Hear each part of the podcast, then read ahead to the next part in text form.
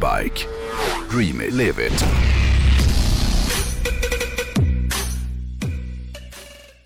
Förra veckan eh, när jag snackade om att Triumph kommer att börja tillverka krossar och enduro så sa jag att jag gärna skulle vilja att de i samband med det eh, även skulle bygga en lätt offroad-hoj i stil med KTMs 790 Adventure ju. Eller kanske framförallt Yamahas Tenere 700 då.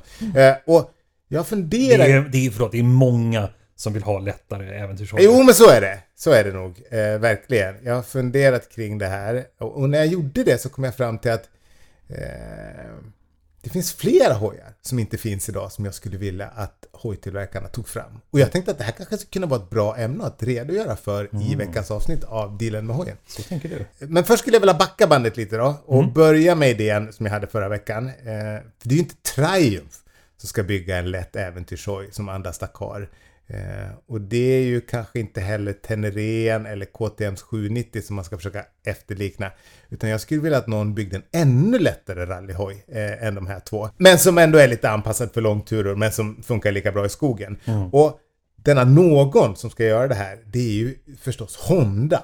Och det jag vill att de ska bygga det är en CRF 500 Rally. Och den här ska naturligtvis vara en mer eller mindre exakt kopia på deras CRF 450 Rally som de tävlar med i Dakar. Det finns ju i och för sig en CRF 300 Rally och den är jävligt ball men eh, den är lite för liten för att vara en hoj som jag känner att man liksom kan ligga i timmar på motorvägen med. Och därför tycker jag att en 500 eller kanske en 650 skulle vara bättre. Och sen tycker jag att Honda även skulle våga gå all in hardcore rally när det kommer till designen. Återigen, CRFen, den här 300 rallyn, den är skitball. Men jag tycker att Hondas formgivare skulle våga vara ännu aggressivare när de ritar den här. Jag är helt säker på att rallyhojar kommer bli nästa stora trend. Eh, och i och med att eh, du får ut så mycket effekt ur motorerna idag, även om det är mindre kubik, så tror jag att liksom den naturliga utvecklingen för äventyrshojar är att många kommer bli mindre och mindre och då är det ju naturligt att de liksom tar och hämtar inspiration från, från liksom hojarna som Toby Price och, och Ricky Barbeck och, och, och Sam Sutherland och, och, och resten av Dakar-maffian. Eh, Kör! Jag tror på det.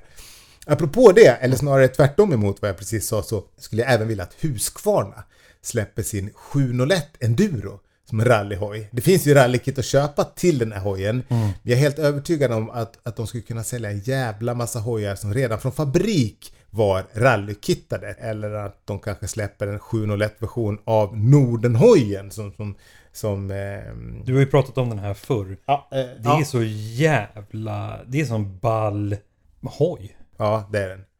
Eh, det finns ju inget märke som är så bra på retro-design som Triumph. Min Scrambler 1200 är ett bra bevis på det. Men även deras Speed Twin och deras Bonneville är ju är jävligt snygga hojar.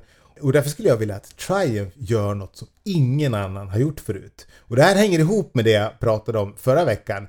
Vore det inte, sug på den här, vore det inte otroligt fränt om de släppte en cross eller en enduro som är ritad med samma retrodesign som min Scrambler. Men som sagt då är en helt ny cross eh, eller en, endu- en enduro med, med helt ny teknik.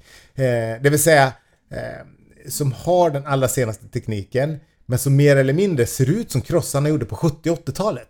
Fatta vad fränt! Det är ingen som har gjort det. Målgruppen är ju enorm. Och du har helt rätt. Det, är det några som skulle kunna göra det så är det ju Traja. Ja, för jag tänker så här, även om det är väldigt många unga som kör cross så är det ju fan frågan om det inte är minst lika många veteraner som fortfarande kör. Eller åtminstone är det ju så när det kommer till enduro. Och därför vore det jävligt ballt om det fanns en, en ny cross eller en enduro som såg ut som, som, som hojarna gjorde när vi 40 och 50-åringar var unga. Det vill säga som de såg ut på 70 och 80-talet. Ah. Okej, en annan hoj som jag skulle vilja se eh, är en Naked-hoj från Harley Davidson. Eh, Vi vet ju att de har lagt ner planerna på att bygga den här Bronx-hojen, vilket jag tycker är idiotiskt. Om inte annat så för att namnet är så jävla bra. Nej, men det, det, det, jag tror på det konceptet. Men jag tror verkligen att det finns en efterfrågan efter den här typen av hoj, faktiskt från Harley Davidsons målgrupp. Eh, men när jag såg den nya Sportster SN så kom jag tänka på en hoj, eller en bild på en hoj som cirkulerade på nätet för något år sedan.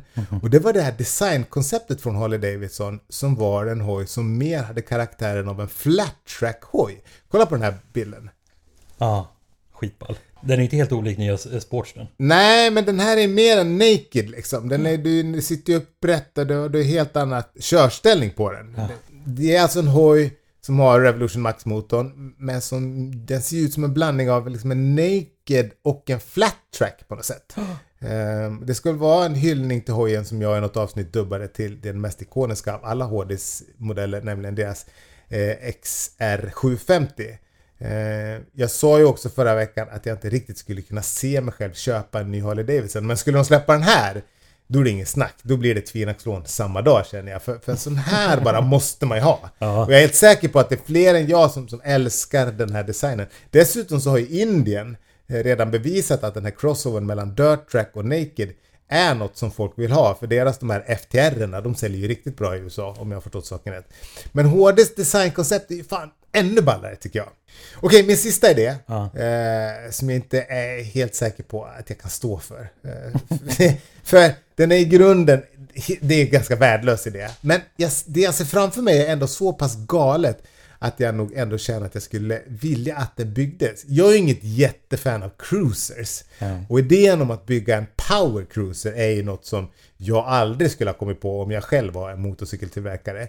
Men efter att ha provkört runt den här Rocket 3 eh, så har jag insett att den här typen av tvåhjuliga vansinne har ett existensberättigande. Och när jag var ute och hälsade på vår gemensamma kompis Gabbe på Triumph här i Stockholm då passade jag även på att titta in hos deras grannar som gör Ducati och då provsatte jag deras den här Ducati Diable. Och det är ju något så jävla idiotiskt och kompromisslöst med den här hojen och den här typen av hojar som gör att jag liksom inte riktigt kan låta bli att tänka på att hur skulle det se ut om de galna österrikarna på KTM fick för sig att bygga en Power Cruiser-version av deras 1290 Super Duke. Alltså en cruiser byggd för bana. Eh, och som andas lika mycket psykotisk aggressivitet som, som duckarna gör. Vore inte det jävligt ballt? Jag ser den inte riktigt framför mig. Nej, nej, det är kanske för att det är en väldigt konstig idé. Eh, tänk er liksom en blandning av Ducatis Diable eller, eller den här Rocket T3 fast det då är liksom en, en Super Duke-variant. Jag, jag tror att det skulle kunna bli jävligt ballt. Jag vet inte om det här bara är orealistiskt och overkliga drömmar men, men eh, i och med att det här är Northbike-segment och deras motto är Dream it, live it så tänkte jag att äh, jag kunde kosta på mig att drömma lite den här veckan. Ah, det var helt flummigt. Ja.